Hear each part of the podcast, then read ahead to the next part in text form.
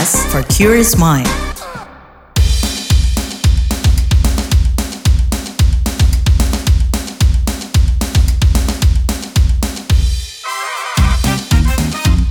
What's Trending KBR Pagi, siaran pagi radio paling update. KBR Pagi, siaran pagi radio paling update. Selamat pagi, apa kabar kalian semuanya di hari Rabu 15 Februari 2023. Kembali lagi saya Don Brady menjadi teman pagi hari kalian semuanya di What's Trending KBR Pagi pastinya. Badan Nasional Penanggulangan Terorisme atau BNPT ini mengidentifikasi 622 akun media sosial dan laman atau situs penyebar paham radikal sepanjang 2022 nih. Dari 600-an situs dan akun media sosial itu, kata Kepala BNPT, Boy Rafli Amar, sebagian besar di antaranya mendorong sikap anti-Pancasila hingga intoleransi. Terkait penegakan hukum, Boy Rafli mengaku pihaknya mendalami soal pemilik-pemilik akun tersebut untuk menemukan unsur keterlibatan pada tindak pidana terorisme. Beberapa langkah juga diklaim telah dilakukan sebagai upaya pencegahan ancaman terorisme di ruang siber. Kenapa sih penyebaran konten radikal masih marak? Nah, berdasarkan hasil laporan dari survei status literasi digital 2021 yang disusun Kata Data Insight Center dan Kominfo, masyarakat Indonesia lebih suka mencari informasi via media sosial ketimbang media lainnya. Media sosial yang paling banyak diakses adalah WhatsApp, Facebook, YouTube, Instagram, TikTok, Telegram, Twitter, dan lain. Platform Google, Facebook, Twitter, dan media sosial lainnya dianggap mudah diakses oleh siapa saja dan dari mana pun. Kemudahan dan kecepatan penyebaran informasi ini akhirnya dimanfaatkan oleh kelompok-kelompok radikal. Bagi kelompok radikal, media sosial adalah salah satu saluran komunikasi penyebaran paham radikal. Menurut peneliti Pusat Politik Lembaga Ilmu Pengetahuan Indonesia, LIPI, M. Hamdan Basyar, media sosial memiliki peran cukup berpengaruh dalam mengubah kondisi sosial masyarakat. Kita bakal bahas lebih lanjut soal ini, tapi seperti biasa, kita dengarkan dulu komentar warganet plus 62 berikut ini.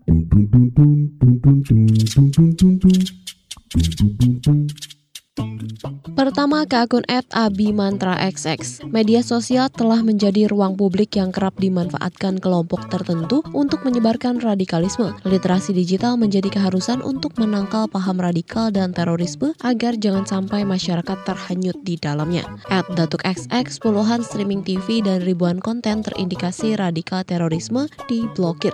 Ancaman paham radikal terorisme begitu dekat loh. Hashtag Sobat Damai. Bahkan ada di genggaman melalui dunia maya.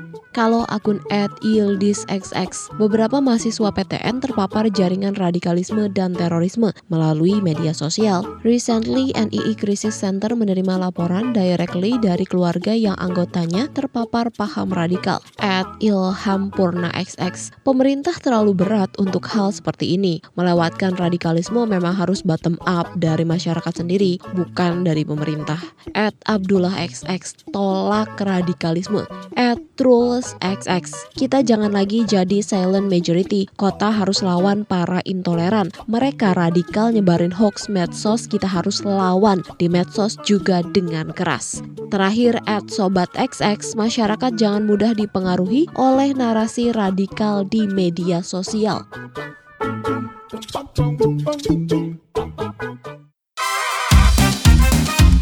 What's Trending KBR Pagi, siaran pagi radio paling update. Kita lanjutkan obrolan kita pagi ini. Jadi Kepala Badan Nasional Penanggulangan Terorisme Boy Rafli Amar mengatakan, setidaknya ada 622 situs atau akun di berbagai platform media sosial yang menyebarkan paham radikalisme. Sebanyak 905 konten propaganda anti kepada NKRI, anti Pancasila, intoleransi, dan pemahaman terkait paham takfiri atau menuduh seorang kafir pun terdeteksi. Nah bagaimana pemerintah meresponnya? Yuk kita dengarkan penuturan dari Kepala BNPT Boy Rafli Amar saat rapat kerja Kepala BNPT dengan Komisi 3 DPR 13 Februari 2023. Terhitung sejak Januari hingga Desember 2022, BNPT mencatat setidaknya 622 situs atau akun di berbagai platform media sosial yang, berpotensi dengan narasi konten-konten mengarah pada radikalisme. Menyebarkan sebanyak 905 konten propaganda anti kepada NKRI, anti Pancasila, intoleransi dan pemahaman terkait dengan paham takfiri. Dalam hal ini BNPT telah menemukan akun-akun yang terindikasi menyebarkan propaganda radikal terorisme di antaranya Facebook 168 akun, WhatsApp sebanyak 156, kontak grup Telegram 119 channel, Twitter 85 akun, Instagram 54 akun, YouTube 25 akun, media online 14 link, dan Rocket Chat 1 grup. Pendalaman dilakukan terhadap pemilik akun tersebut guna menemukan unsur-unsur keterlibatan dalam tindak pidana terorisme untuk ditindaklanjuti oleh aparat penegak hukum terhadap ancaman terorisme dalam ruang cyber tersebut. BNPT telah melakukan serangkaian upaya pencegahan melalui patroli cyber, penanganan kerjasama untuk dilakukannya takedown pada konten-konten tertentu dan penegakan hukum. Dalam melakukan takedown tentu kita harus bekerja sama dengan Kementerian Kominfo dalam hari ini Ditjen Aptika. Terhitung sejak Januari hingga Desember 2022 sebanyak 576 akun media sosial yang diusulkan untuk dilakukan takedown.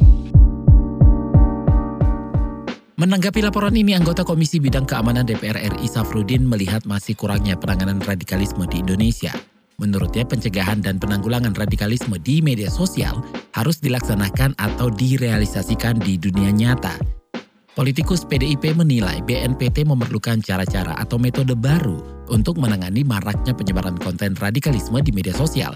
Seperti apa? Ini dia pernyataan anggota Komisi Bidang Keamanan DPR RI, Safarudin. Kami soroti masalah di dunia maya. Ada 576 yang diusulkan ke Ditjen Aptika untuk ditutup jadi ada 576 yang diusulkan untuk akun itu ditutup. Tapi kalau saya lihat ada yang 905 konten radikal. Radikal. Ini kan sebetulnya lebih banyak yang radikal, tapi yang diusulkan hanya 576 konten. Kemudian ini kan banyak kita lihat orang-orang yang baru terpengaruh oleh masalah teroris ini belajar dari dunia maya memang sudah ada patroli saya lihat. Tapi kan perkembangan di dunia maya ini juga terus berjalan. Mungkin harus dicarikan metode yang lebih terobosan-terobosan mungkin sehingga apa yang dipantau di dunia maya bisa juga dikonkretkan di dunia nyata. Artinya pembinaan-pembinaan yang dilakukan oleh BNPT yang sebegitu banyak saya lihat tadi ya nanam jagung, beternak segala macam sehingga lebih fokus gitu loh. Kalau dia sudah bermain di dunia maya, itu terindikasi sudah terpapar gitu. Nah, harusnya kan pembinaannya kan dikonkretkan di lapangan. Nah, sampai sejauh mana itu? Artinya dunia intelijen kita itu bermain di dunia maya, tapi pembinaannya konkret di lapangan, gitu loh. Itu yang belum saya lihat dari BNPT.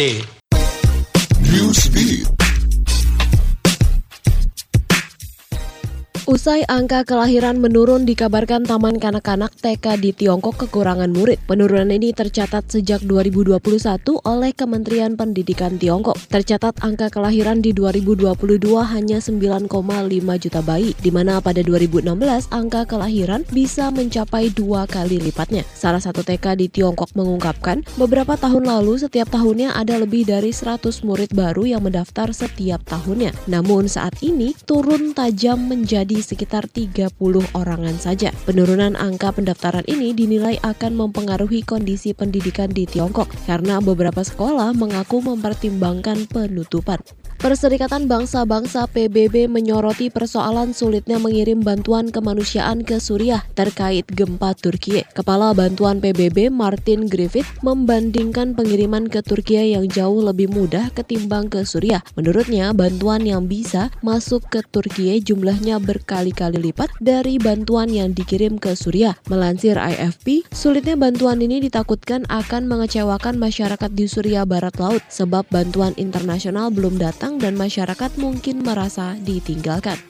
Sequel film Black Panther Wakanda Forever dituduh mendiskreditkan militer Prancis. Hal ini disampaikan oleh Menteri Pertahanan Prancis Sebastien Lecornu. Lewat media sosial Twitternya, Sebastian menyebut representasi militer negaranya di sequel Black Panther palsu dan menipu. Dalam Black Panther kedua, ada adegan di mana sekelompok tentara Prancis diikat dan dibawa ke pertemuan PBB oleh pasukan Wakanda. Dalam film tersebut diceritakan Ratu Wakanda memper mempermalukan duta besar Prancis dalam forum tersebut.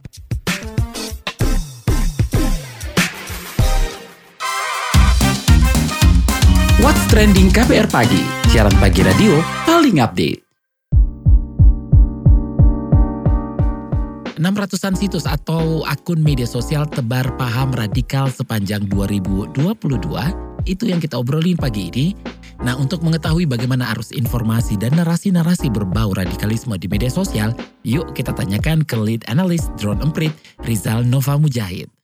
Mas Rizal, BNPT kan menyatakan 662 akun medsos dan situs menyebarkan uh, paham radikal sepanjang 2022 seberapa besar tren penyebaran paham ini di medsos sebenarnya? Pertama, saya harus apresiasi BNPT karena melakukan penelitian sampai sedalam itu ya. Dalam sendiri juga melakukan penelitian yang nyaris serupa. Kami memantau percakapan-percakapan yang terindikasi mempromosikan ke arah radikalisme, ke arah khilafah gitu ya di Indonesia. Kami memantaunya dari 2020 kemarin, tapi kita bicara saja agar datanya seimbang dengan BNPT dengan 2022 kemarin. Data 2022 kemarin itu menunjukkan tren yang sangat sebenarnya sangat fluktuatif. Beberapa kali dia naik dan beberapa kali dia turun. Untuk percakapan-percakapan yang mempromosikan khilafah misalkan. Pada beberapa kesempatan katakanlah pada Oktober tanggal 25 itu tinggi sekali percakapannya karena ada pro kontra tentang pemelesetan kata khilafah di Indonesia. Tapi Selain itu, percakapan secara umum yang mendukung atau mempromosikan khilafah sendiri, rata-ratanya ya, seharinya itu mencapai angka sekitar 1000, 2000, 2000-an mention per hari itu. Jadi dia naik turun pada hari-hari tertentu. Itu khilafah saja, belum lagi yang mempromosikan radikalisme, mempromosikan, mengapresiasi terorisme. Ya kemarin itu ada bom di Bandung yang mengapresiasi itu. Itu sama juga fluktuatif tapi rata-rata percakapannya antara 3.000 kalau 4.000 kalau yang, yang seperti ini. Dan kalau dilihat trennya memang meskipun kadang naik kadang turun fluktuasi gitu, perbincangan tentang radikalisme atau konten-konten yang pro maupun kontra terhadap radikalisme, terorisme, khilafah kayak gitu di Indonesia itu mencapai dalam satu enam bulan terakhir ini 1,3 dalam 2022 2,8 itu 2,8 juta yang berbicara tentang itu baik pro maupun kontra saya tidak membedakannya. Bagaimana perbincangan soal radikalisme berlangsung di media sosial? Tanggapan warganet seperti apa? Saya kira ini agak kompleks ya karena ketika kami membuat peta sebaran jejaring percakapannya kelihatan kalau yang kadang-kadang pro, kadang-kadang kontra. Jadi kalau lihat itu ada yang konsisten kontra terhadap radikalisme di Indonesia, ada yang konsisten pro terhadap radikalisme, ada yang kadang pro, kadang kontra. Nah, kalau yang pro, uh, yang jelas-jelas kontra, jelas-jelas pro, ini kita narasinya kira-kira udah tahu ya. Nah, yang menarik itu yang kadang-kadang pro, kadang-kadang kontra. Peta percakapannya, kadang-kadang pro dan kadang-kadang kontra ini, mereka adalah akun-akun atau orang-orang yang sepenuhnya merespon kebijakan atau pernyataan-pernyataan yang kontra terhadap radikalisme. Itu satu. Jadi kalau yang kontra radikalisme ini menyampaikan sesuatu yang kata-katanya adalah cukup cukup keras gitu, cenderung kecaci maki, mereka merespon swingnya itu ke arah pro, pro khilafah. Lu nggak boleh begitu, kira-kira yang swing begitu. Lu udah lompat pagar, lu itu bukan bagian lu dan seterusnya kayak gitu. Jadi swingnya ke arah yang pro. Tapi ketika yang pro nah, radikalisme ini mengapresiasi tindak radikalisme, bom contohnya tahun kemarin itu, mereka swingnya justru ke kontra itu sudah di luar batas, itu keluar dari batas kemanusiaan. Lalu yang swing ini juga berbicaranya sebagian besar tidak semata dalam proporsi agama atau negara, tapi dalam proporsi kebijakan berkait ekonomi, kebijakan berkait dengan hukum dan politik di pemerintahan. Nah persepsi dan sikap warganet cenderung ke mana nih? Kalau untuk yang pro radikalisme tentu saja sudah jelas mereka bilang Pancasila bukan ini, buka ya Pancasila harus diperangi lah ya. Pancasila bukan produk yang bagus, bukan diperangi juga. Pancasila produk manusia dan produk manusia itu tidak bagus. Saya bicara kelompok yang dua ini. Kalau yang satu lagi yang kontra radikalisme kebanyakan bilang Pancasila oke, okay, kita nggak punya pilihan terhadap itu. Satu lagi bilang, oke okay, Pancasila sebagai ideologi oke, okay, sebagai gagasan gagasan oke, okay. tapi dalam praktiknya dia harus e, banyak diperbaiki, harus banyak di, dikoreksi. Ketika publik itu mengoreksi praktik-praktik yang dikatakan ya dan mengambil kata Pancasila gitu, menyelaraskannya dengan semangat Pancasila, itu langsung ditanggapi negatif juga sama yang NKRI garis keras kelatakan kayak gitu ya. Tidak pro Pancasila dan sebagainya. Narasinya tuh agak dinamis dalam satu tahun terakhir tapi sebagian besar bisa dikatakan bisa diajak swing ke Pancasila lebih besar karena yang pro radikalisme yang secara langsung menyampaikannya di media sosial itu tidak terlalu tinggi tapi yang menyampaikannya melakukan gerakan yang tidak tidak langsung di media sosial gitu ya. Agak-agak pakai ini sendiri pakai grup-grup punya sel-sel grup tersendiri gitu. Itu cukup banyak. Kalau dari dari sisi volume tidak signifikan. Tapi kalau dari dampak itu sangat signifikan. Kalau dari jumlah tren kalau dari trennya pertambahannya saya kira tidaknya ada pertambahan. Ada trennya itu naik bukan turun. Nah, terkait narasi-narasi untuk mengcounternya seperti apa? Catatan Anda? Saya kira pemerintah sangat berhati-hati dalam memerangi radikalisme. Dengan berhati-hati adalah pengkategorian tentang radikalisme itu. Mereka sangat berhati-hati di situ karena karena ini memang sangat problematik ya. Kalau di terlalu luas uh, jadi bermasalah. Kalau terlalu sempit malah nggak dapat apa-apa gitu. Mereka saya kira cukup baik dalam mengkonter narasi-narasi radikalisme dengan take down, dengan uh, permintaan untuk blokir dan sebagainya kayak gitu ya. Akan tetapi ini kan ide dan yang bisa memerangi ide itu saya kira bukan hanya pemerintah tapi juga ide tuh lawannya harusnya ide juga kayak gitu. Kalau pendekatannya seperti itu, take down, blokir, itu istilahnya diblokir satu tumbuh seribu kayak gitu. Nggak bakal ada habisnya. Tapi pendekatannya adalah pendekatan ide dan itu juga yang dilakukan oleh pemerintah lewat BNPT menggandeng tokoh melakukan berbagai macam berbagai macam aksi lapangan itu melakukan itu dan saya kira itu cukup baik sebagai sebuah program uh, meskipun ada catatan-catatannya nggak cuma drone saya kira pengamat terorisme di Indonesia juga menyatakan banyak e, beberapa catatan, mengapresiasi tapi juga menyatakan beberapa catatan tentang holistiknya program itu salah satunya kan e, programnya yang tercenderung jadi segmented mengarah pada kelompok hanya pada kelompok tertentu tapi yang kelompok yang cenderung agak main-main aman tapi sebenarnya dia juga mempromosikan radikalisme kok nggak disentuh dan seterusnya kayak gitu.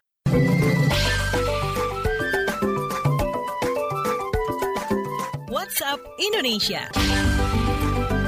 WhatsApp Indonesia dimulai dari Jakarta. Kuat Ma'ruf terdakwa di kasus pembunuhan berencana Novriansyah Yosua Huta Barat alias Brigadir J difonis penjara 15 tahun. Majelis Hakim di Pengadilan Negeri Jakarta Selatan menilai Kuat Ma'ruf terbukti sah dan meyakinkan bersalah turut serta melakukan pembunuhan berencana Brigadir J. Sehari sebelumnya, Kepala Divisi Profesi dan Pengamanan Polri, Ferdi Sambo dijatuhi hukuman mati dan istrinya Putri Chandrawati difonis 20 tahun penjara. Putusan hakim kepada ketiganya lebih berat dari tuntutan jaksa penuntut umum. Selanjutnya menuju Solo, Jawa Tengah. Kota Solo akan menjadi tuan rumah final Piala Dunia U20 tahun 2023. Laga puncak itu direncanakan digelar di Stadion Manahan. Wali Kota Solo Gibran Rakabuming Raka menjanjikan laga penutup Piala Dunia U20 itu akan meriah. Gibran mengatakan dirinya terus berkoordinasi dengan Menteri Pemuda dan Olahraga Zainuddin Amali. Stadion yang akan digunakan untuk venue Piala Dunia U20 antara lain Stadion Utama Gelora Bung Bung Karno di Jakarta, Stadion Sijalak Harupat di Jawa Barat, Stadion Manahan Solo di Jawa Tengah, Stadion Gelora Bung Tomo Surabaya di Jawa Timur, Stadion Jakabaring di Sumatera Selatan, dan Stadion Kapten Iwayan Dipta di Bali. Piala Dunia U20 2023 bakal diikuti oleh 24 tim dari 6 konfederasi di seluruh dunia. Terakhir mampir Sumatera Utara. Kementerian Pariwisata dan Ekonomi Kreatif Kemenparekraf memprediksi pelaksanaan F1 wisatawan powerboat di Danau Toba, Sumatera Utara dapat meningkatkan 3,7 persen potensi kunjungan wisatawan. Menparekraf Sandiaga Uno pun menargetkan 1,4 miliar pergerakan wisatawan Nusantara dan memprediksi 180 juta impresi media digital. Dengan demikian, Sandi berharap dapat meningkatkan pula potensi ekonomi di wilayah Sumatera Utara sebanyak 212 miliar rupiah. Diketahui ajang balap perahu super cepat kelas dunia ini akan diselenggarakan pada 24 sampai 26 Februari 2023 di Danau Toba, Sumatera Utara. Demikian WhatsApp Indonesia hari ini.